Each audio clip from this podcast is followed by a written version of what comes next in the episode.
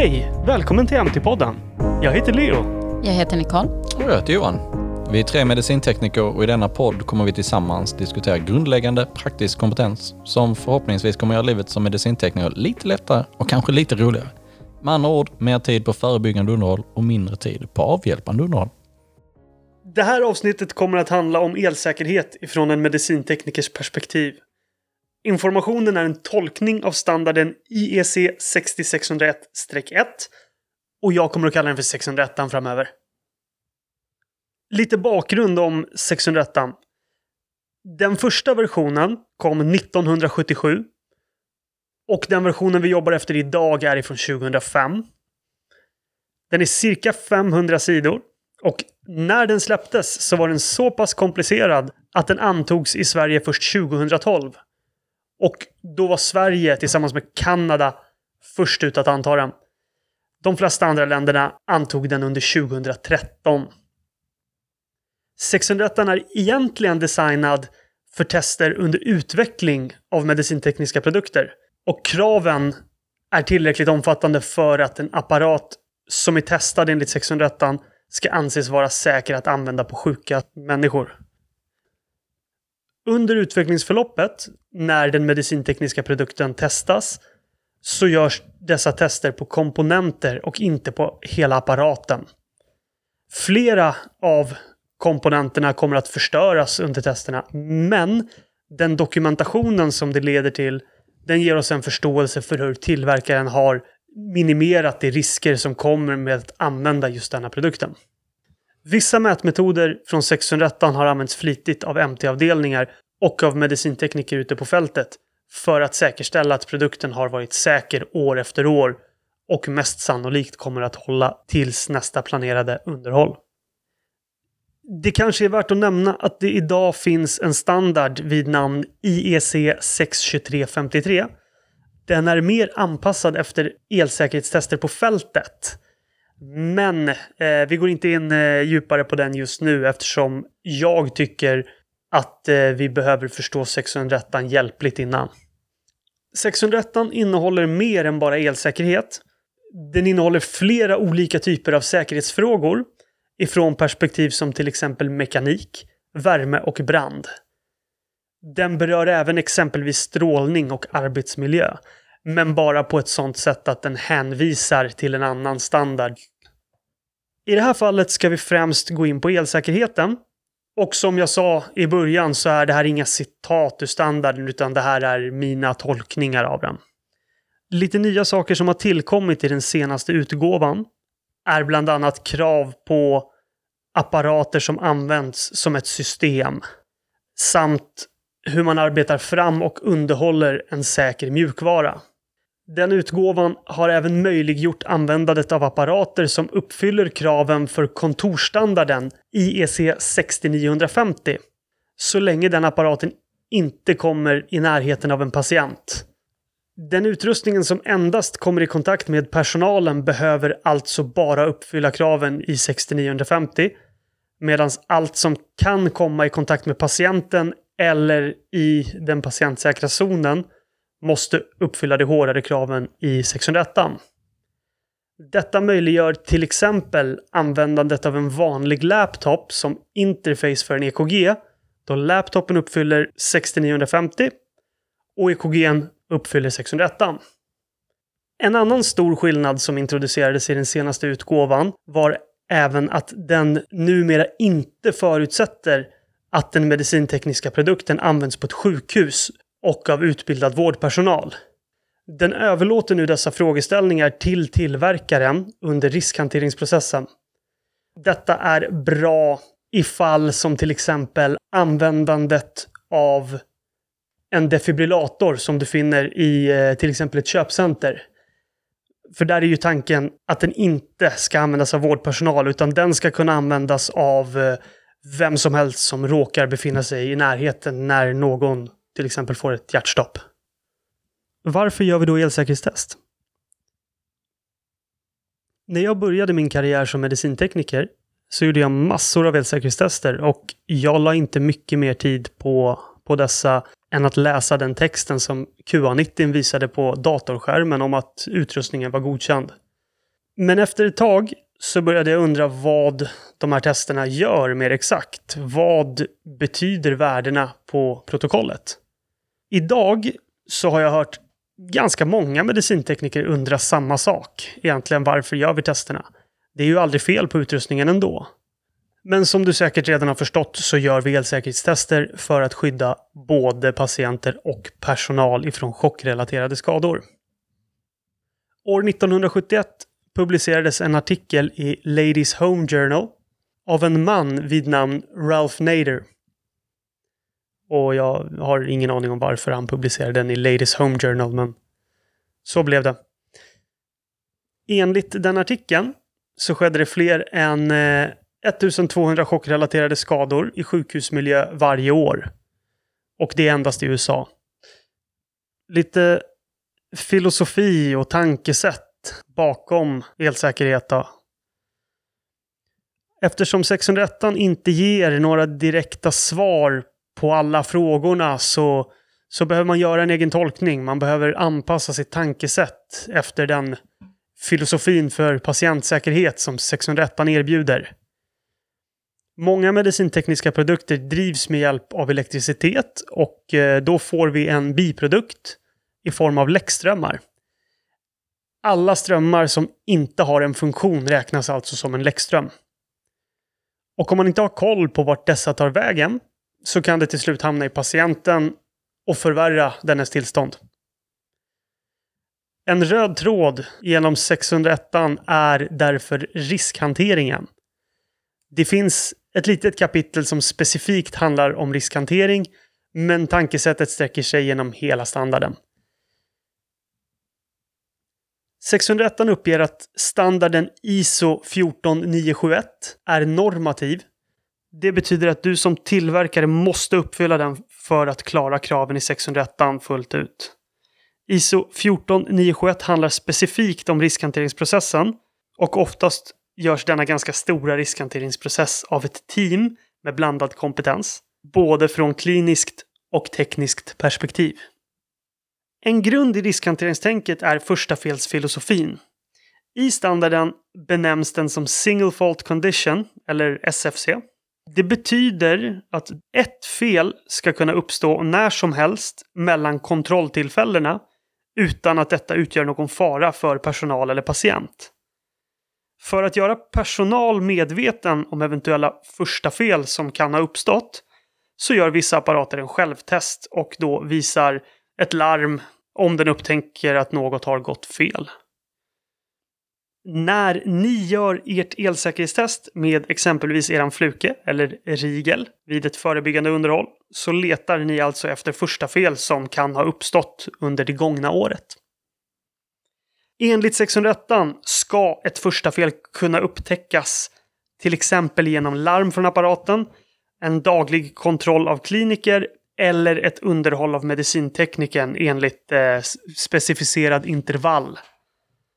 Fel som inte kan upptäckas genom att följa de instruktioner som eh, tillverkaren har gjort räknas därmed som normal funktion eller normal drift.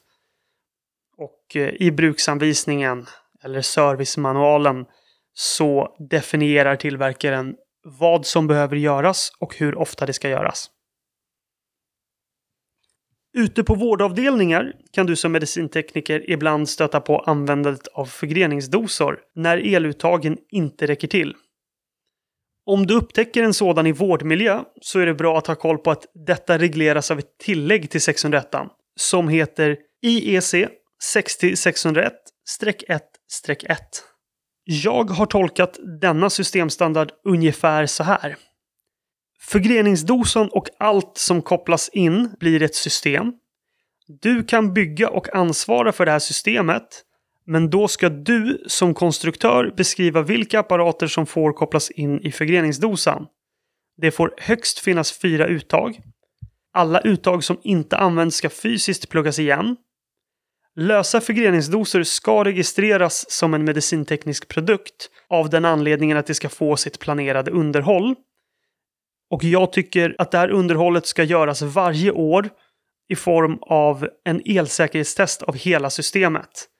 Vid det här elsäkerhetstestet så ska alla läckströmmar mätas och det ackumulerade värdet får inte överstiga samma gränsvärde som gäller för mätningen av en ensam apparat. 601 klassificerar ett flertal olika skyddsfunktioner, bland annat elchock och läckströmmar. Därför är det viktigt att ha koll på dessa klassningar när du gör ett elsäkerhetstest. Lite förenklat om skillnaden mellan klass 1 och klass 2. Klass 1 innebär att berörbara delar är skyddsjordade för att leda bort läckströmmar. Och klass 2 skyddas med sin egen isolering. Utrustningen är då dubbelisolerad och detta märks med en symbol. Symbolen är en kvadrat med en mindre kvadrat inuti. Det är dock inte hela sanningen då det till exempel finns klass 2-apparater som är skyddsjordade. Vid dessa fall så är det viktigt att kika igenom servicemanualen då det brukar finnas en instruktion för hur du ska elsäkerhetstesta den. Det händer till exempel att en utrustning som är märkt med klass 2 ska testas som en klass 1. Vidare så finns det även läckströmsklassningar som en medicintekniker måste ha koll på. Dessa gäller för de patientanslutna delarna och de benämns B, BF och CF. För att veta vilken man har att göra med så finns det tre olika symboler. Du hittar dem antingen på apparaten vid resterande symboler eller vid apparatens anslutning till den patientanslutna delen. B står för body och märks ut med en bild på en människa. BF står för body floating och märks med en likadan människa och en eh, fyrkant runt om den människan. CF står för cardiac floating och det märks med ett hjärta och samma fyrkant runt om.